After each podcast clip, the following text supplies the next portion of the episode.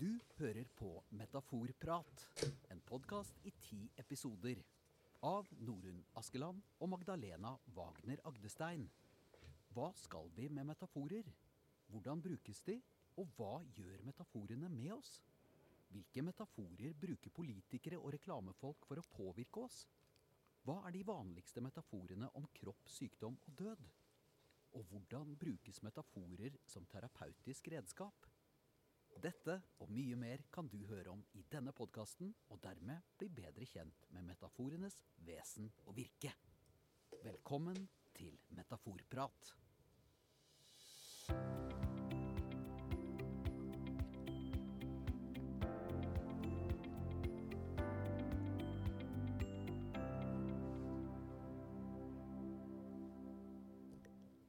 Hei og velkommen til enda en metaforprat. Vi har nå kommet til episode fem, og i dag skal vi ta for oss metaforer om kropp, sjel og sykdom, og vi skal også snakke om metaforer i psykoterapi, nærmere bestemt samtaleterapi. Men aller først, Norun, du pleier jo å følge godt med på hvilke metaforer politikerne bruker. Har det skjedd noe interessant på den fronten siden sist? Ja, det har det faktisk. Og det er jo ingen tvil om at vi har en statsminister som veit hva han sier, og som også helt opplagt har en bevisst bruk av metaforer. Eh, vi har jo opplevd at Russland har gått til krig mot nabolandet Ukraina. Og da det skjedde, karakteriserte Jonas Gahr Støre det som vold i nære relasjoner. Og med den metaforen så fikk han sammenligna forholdet mellom naboland med forholdet mellom f.eks. ektefeller eller foreldre-barn i en familie. Uttrykket vold i nære relasjoner er brukt bl.a. på nettsidene til politiet som en kategori for type forbrytelse, og da forstår vi at dette handler om noe som ikke skal skje, noe som er ulovlig eller straffbart. Hmm. Har du flere eksempler på Støres metaforbruk og hvordan kan man vite at det dreier seg om bevisst metaforbruk? Ja, ja, for å ta det siste først, da. Så om det er bevisst eller ikke, det kan vi vel egentlig ikke vite helt sikkert. Språket er jo fullt av metaforer, og vi er jo født inn i språket. Og språket er jo på en måte et stort arkiv som vi har tilgang til, og vi bruker metaforer som vi ikke veit at vi bruker, da. Men når du ser Støre på TV, så kan du av og til se at han tar sats, og så får han egen glimt i øyet når han bruker disse metaforene. Du spurte om flere eksempel, og jeg har to til. Da Støre skulle presentere den nye olje- og energiministeren Terje Aasland, sa han at den nye ministeren var både gryteferdig og nøkkelklar. Og det er jo metaforer som er henta fra kokkefaget og fra bygningsbransjen. Og gjennom det fikk han også sagt at dette var en rette mann for jobben. Han var på en måte absolutt klar, da. Og det er jo, er jo neppe mange som kjenner så godt det energi, olje- og energifeltet som Terje Aasland, som har vært på Stortinget siden 2005. Han er i tillegg energimontør, har jobba i kraftselskap og har vært mangeårig medlem og leder av energi- og miljøkomiteen. Og for å si det med en metafor, så er han en mann med politisk pondus, og altså nå både gryteklar og nøkkelferdig, og han har jo allerede jobba en stund som minister. Jeg tenk at metaforer fra byggebransjen, og ikke minst fra kokkefaget, finner veien inn i politikernes språk. Det er jo litt artig å tenke på. Men nå må vi komme oss over på dagens egentlige tema, og da snakker vi først om kroppsmetaforer. Vi er vant med at kroppen, eller deler av kroppen, brukes metaforisk for å omtale noe annet. Da tenker jeg på ord som bordbein, lampefot, eller uttrykk som at en park eller en bygning ligger i byens hjerte. Men vi bruker også metaforer om selve kroppen. Vil si, vi snakker om kroppen som om den var en maskin. For eksempel sier vi at hjertet pumper dårlig, og forklarer blodsirkulasjon med at blodet renner gjennom et slags rødsystem.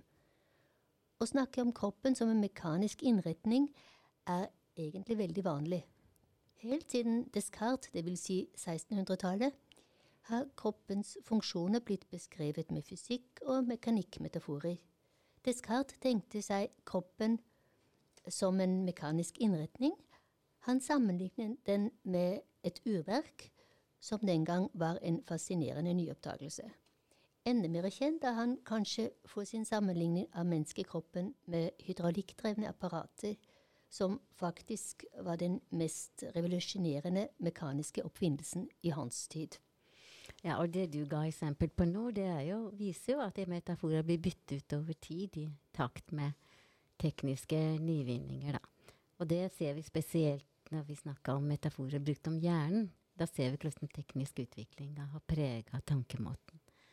Og I riktig gamle dager ble jo hjernen omtalt som ei kvern, og deretter som ei mølle. Og på 1900-tallet ble hjernen sammenligna med en telefonsentral, og etter hvert som teknikken utvikla seg, ble hjernen forstått gjennom datametaforen og sammenligna med ei selvstendig eining i kroppen, og den jobba da akkurat som en PC som jobber med nettverk og bearbeider og tolker elektriske signal. Maskinmetaforen, det å tenke på kroppen som en mekanisk innretning, har altså en lang tradisjon. Eh, så om ikke det er den mest brukte, så er det helt sikkert en av de mest brukte metaforene om kroppen.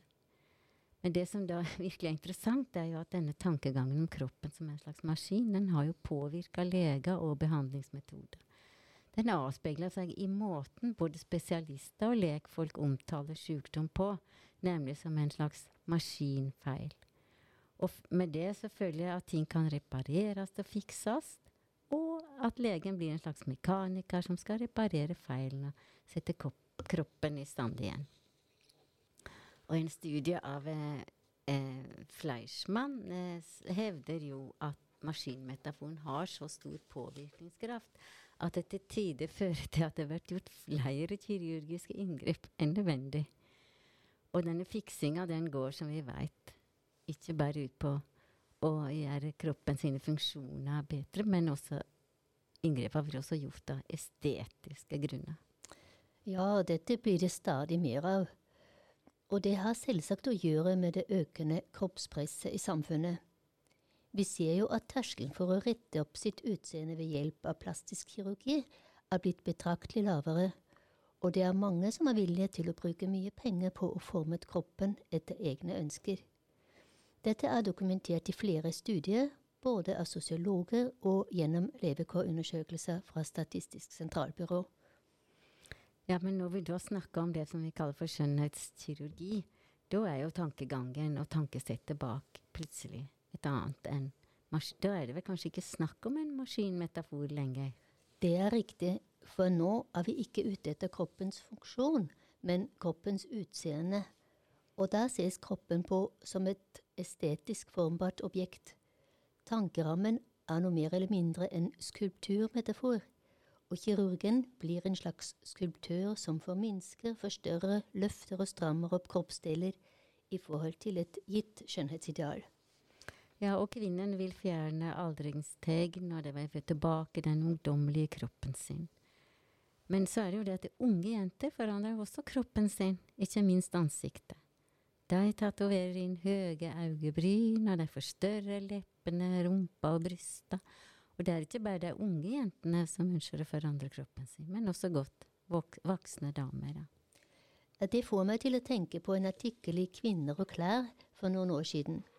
Da kom jeg for første gang borti begrepet mamma makeover. Og det er altså en samlebetegnelse for kirurgiske inngrep som skal gi kvinner som har født, tilbake den kroppen de hadde før svangerskapet. Dette gjøres hovedsakelig gjennom brystløft, brystimplantater, buk- og mageplastikk og fettsygging. Og metaforen som man da lever og handler etter, er da at kroppen er et formbart objekt. Men nok om det. La oss komme litt tilbake til det vi snakket om før. Vi sa at maskinmetaforen er en av de mest vanlige metaforer om kroppen i vår kultur. Vi bruker den både i fagspråk og i dagligtale. Folk i 60-åra sier ofte at de har kommet i reparasjonsalderen når de, for, når f.eks. må skifte hofte eller et kne. Men så finnes jo også helt motsatte metaforer om kroppen altså hvor kroppen ikke sammenlignes med noe mekanisk, dvs. Si med en maskin med utbyttbare deler og ting som kan fikses på, men at man tvert imot sammenligner kroppen med noe organisk. Ja, F.eks. med en hage, og da tenker du selvsagt på hagemetaforen, da, som er en framtredende metafor i austlig medisin, eh, og som vi bl.a. har skrevet om i den boka vi har skrevet om metaforer, da. Og denne hagemetaforen finner vi også omtalt hos Fleischmann. Altså når kroppen blir framstilt som en hage, da vil en kanskje se på seg sjøl som en gartner som kan stelle pent med hagen. Og da ser en også kroppen som en del av et større kretsløp. Denne metaforen kan vi finne også i vestlig tankegang. Jeg fant det f.eks. i ei barnebok om døden, som var gitt ut av ingen ringere enn Landbruksforlaget. Eh, der blir det sagt at vi veit ikke så mye om det som skjer etter døden. Og så taler man da til barn her, men noe kan vi i hvert fall få greie på. F.eks. at planter, dyr og mennesker og alt som lever, må dø til slutt. Og så er det vist fram bilde av en død maur, ei død skilpadde, ei død Maria Flyfly, en død blomst og en død mann. Og denne mannen heter Sigvald og ligger med nesa i været, og det gjør disse andre vesenene også, som er døde. Og så betyr det, for da sammenligner man da disse dyr og planter også med mennesker. Og videre så står det ellers ville det blitt altfor fullt. Det er viktig å få plass på jorda til de nye som er født og skal vokse seg store. Når blomstene er døde, blir de ofte brune og tørre og mister bladene sine. Mens mennesker pleier å bli bleke og litt gulere enn vanlig. Og det ser vi også. Vi ser at fargen på en måte er litt av det samme på plantene for menneskene da når de er døde. Og en er da på en måte mennesker med planter, og er da innafor tenkinga til hagemetaforen. Det er mulig at hagemetaforen ikke er så mye bruk innenfor tradisjonell medisin, men den er iallfall kanskje mer i bruk i psykoterapi. For der blir psyken framtid som en hage som vi sjøl må stelle og passe godt på for å klare utfordringene i hverdagen. Slik en hage trenger vann og gjødsel, trenger også vår indre hage, altså sjela, næring. Og slik næring kan være sosial kontakt eller fritidsaktiviteter som gir glede og energi. Og da må vi luke den konkrete, akkurat som vi må luke den konkrete hagen vår, må vi også luke den indre hagen og sørge for at han ikke gror igjen med negative tanker. Mm -hmm. uh, når vi snakker om psykisk helse, dreier det seg altså om psykiske henholdsvis sjelelige tilstander. Begrepene psyke og sjelen brukes jo om hverandre. Men hvor kommer begrepet psyke egentlig fra, når en Vel, altså Den nevning av syke for sjela går tilbake til 1600-tallet og kommer fra det greske ordet psyke, som betyr livsånd. Og det er tilhørende adjektiv syke ein, som betyr ånde.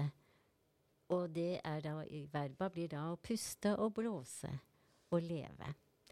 Eh, men da jeg var lita, så tenkte jeg meg at sjela var det samme som et sjel, altså det som du finner nedi fjæra, og at det var ganske stort, og det lå imellom, eh, skal vi si, skulderbeina mine, eller, og der uh, kunne jeg da uh, Der kunne jeg da tenke seg at hvis man gjorde mange gale ting, så ble sjela svart, og hvis ikke, så var den ganske lys og, og hvit. Og den var akkurat som et rom, som du kunne Som du hette sjela, da. Og, men så fant jeg jo ut etter hvert at dette med at at det kanskje ikke stemte, da. Men det som kanskje stemte likevel, var at sjela var et in imaginært indre rom og denne tankegangen og måten å tenke på, den fins også allerede i antikken. Vi veit ikke hvor utbredt den forestillingsmodellen var, men den fikk iallfall godt fotfeste i seinmellomalderen, da kirka la stor vekt på indre religiøsitet. Når vi nå har snakket om metaforer om både kropp og sjel, bør vi vel også se litt på hvilke metaforer vi bruker om sykdom. Og da kan vi jo si litt om den kanskje vanligste metaforen som vi omtaler sykdom med. Fortell litt om det, Norunn. Altså, en veldig vanlig metafor om sykdom det handler iallfall om dette med at det er noe som vi går til krig mot. Og da ser vi på kroppen som en festning som bakterier og virus går til angrep på. Og så må vi slå tilbake eller ordne det slik at kroppen kan forsvare seg og bekjempe disse her. Og vi sier jo fremdeles at vi er kamp mot pandemien, og at vi er i krig mot først delta, iallfall så var vi det, mot delta og omikronviruset. Før brukte helsemyndighetene metaforen om å slå ned viruset, men nå er det mer snakk om å leve med det. Så metaforbruken fra myndighetenes side den har endra seg litt akkurat på dette feltet. Men likevel så lever krigsmetaforen som tankeramme for sykdom i beste velgående, og ofte når vi snakker om kreft. Og mange har protestert mot denne måten å tenke på, bl.a. den avdøde amerikanske filosofen og forfatteren Sunsen Sontag. Hun mente, hun mente, at det å bruke militaristiske termer når vi snakker om kreft, det kan føre til at pasienter opplever sykdommen som en brutal invasjon, at de er invadert av kreftceller, og at denne tenkemåten kan være svært demoraliserende. Bruken av krigsmetaforer gjør nemlig at noen vinner, mens andre taper. Og mange pasienter vil tenke at de taper i kampen mot kreften, og de kan tro at det er deres egen skyld. Men det fins heldigvis en annen metafor om sykdom som mange trøster seg med, og det er veimetaforen. Da er pasienten på vei i ei løype der målet er å bli frisk, og det handler ikke så mye om å vinne eller tape. Ellers er det, som vi har snakka om nå i dag, da, vanlig å se på kroppen som en maskin, og da vil sykdom bli sett på som en maskinfeil. Det kan jo være et organ som ikke fungerer som det skal, eller det kan være et ledd som går i lås, som må repareres. Det å snakke om kroppen som en maskin og om sykdom som krig er vanlige innarbeidede tankerammer når vi snakker om all slags sykdom, uavhengig av om det dreier seg om en kroppslig psykisk lidelse eller skade.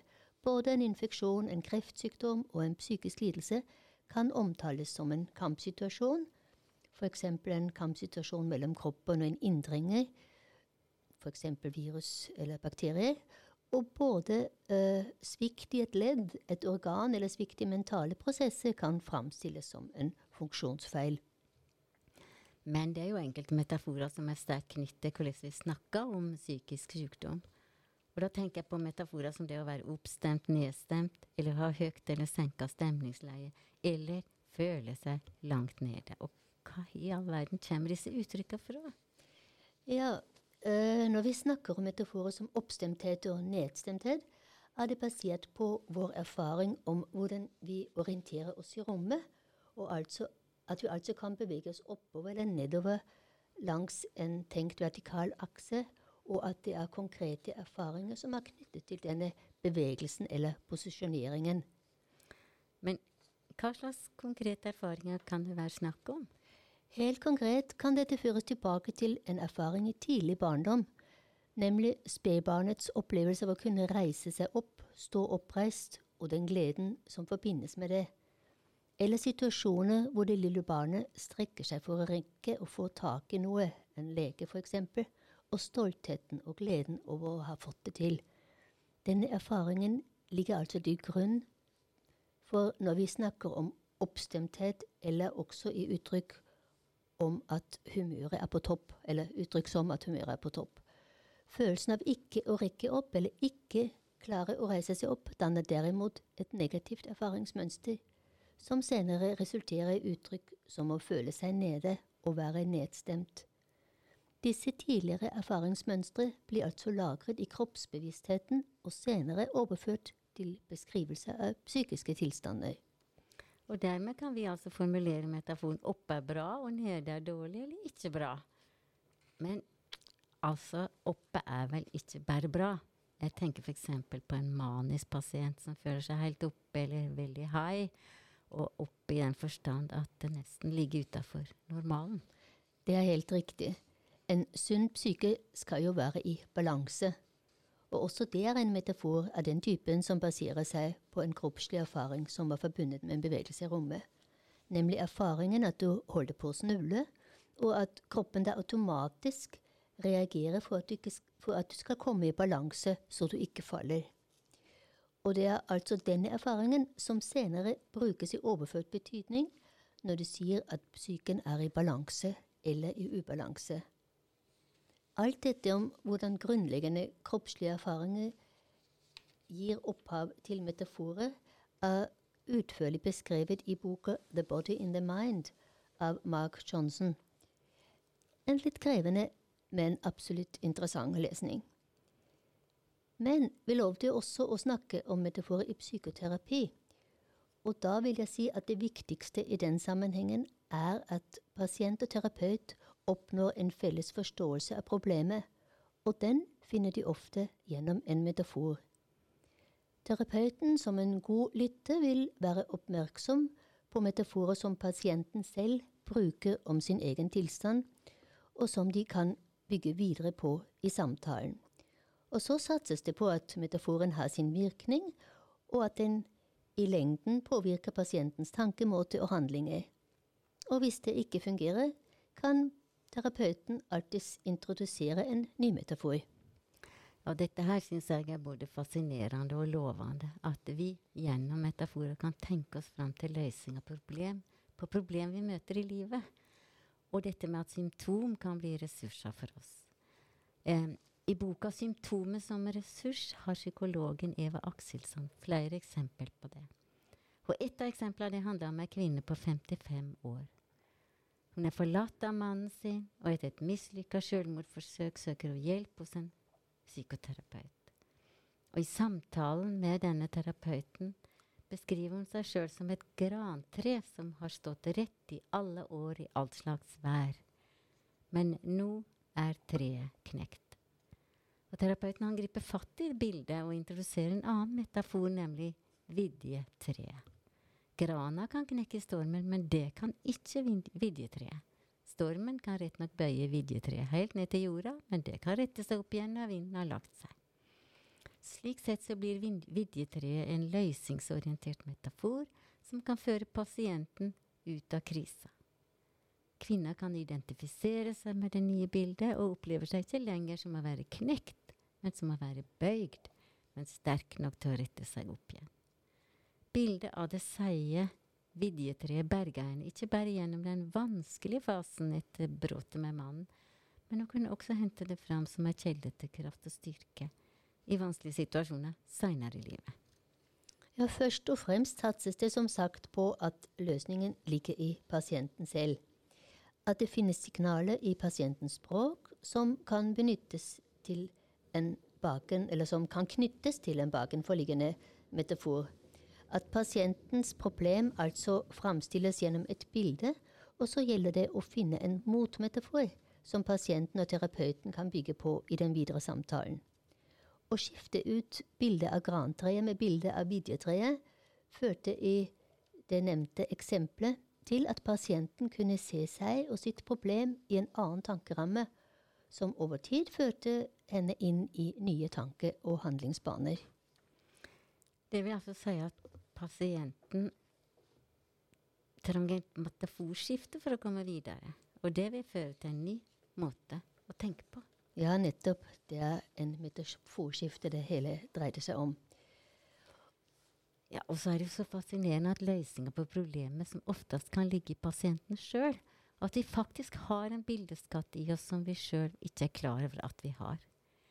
Det ser vi også i drømmene våre når vi kan drømme oss fram til løsninga problem, på problem som vi har streva med i vaken tilstand. Helt enig. Dette er en ressurs i oss mennesker som ikke må undervurderes. Et av mine yndlingseksempler for våre indre bilders kraft er historien til psykologen Arnhild Lauveng, og som i tenårene selv var pasient og innlagt i seks-sju år på psykiatriske sykehus. Hun var psykotisk, selvdestruktiv, hadde hallusinasjoner og vrangforestillinger, og i dag er hun psykolog og etterspurt foredragsholder. På hennes vei ut av sykdommen var en forståelsesfull mor og en sosialarbeider viktige støttespillere for henne. Men i tillegg, og kanskje først og fremst, hadde hun dette bildet i seg som fortalte henne om sin iboende styrke. Dette skriver hun om i boka I morgen var jeg alltid en løve, og det refererer hun også til når hun starter boka med et dikt som jeg syns er veldig talende. Og det skal jeg nå lese noen få linjer fra. Før levde jeg mine dager som sau hver dag samlet gjeterne alle på avdelingen til felles utmarsj i flokk, mens alt i meg lengtet etter å jage over savannene. Men jeg levde mine dager som sau, og jeg visste det var feil, og jeg visste det ikke ville vare evig. Jeg levde mine dager som sau, men i morgen var jeg alltid en løve. Som vi forstår, gjenspeiler løvebildet i diktet den indre kraften og visdommen som ligger i pasienten Arnhild Lauving. Hun er seg ikke bevisst sin indre kraft ennå, men bildet, dvs. Si løvemetaforen, røper at det ligger en ressurs i henne som kan føre henne ut av sykdommen. Dette synes jeg sier mye om menneskets iboende visdom, menneskets egen potensial for sjelens helbredelse. Ja, her syns jeg det passer godt å slutte. Tenk, så fint! Indre kraft og visdom. Da trenger vi kanskje ikke å gå i terapi, eller kanskje vi kan kurere oss sjøl. Ja, ja. Det er kanskje ikke fullt så enkelt, men vi har nok flere ressurser enn vi tror. Og vi kan iallfall få øye på det som vi går i samtaleterapi. Det har vi jo gitt flere eksempel på i dag. Vi har ikke bare snakka om metaforene til Jonas Gahr Støre. Vi har også snakka om metaforer i psykoterapi, men også om metaforer om kropp, sjel og sykdom. Ja, men nå er det virkelig på tide å takke for oss for i dag. Takk til dere som hørte på, og velkommen til neste episode, hvor vi skal snakke om metaforer i ulike språk og kulturer, bl.a. metaforer brukt i og om samisk kultur og litteratur på gjenhør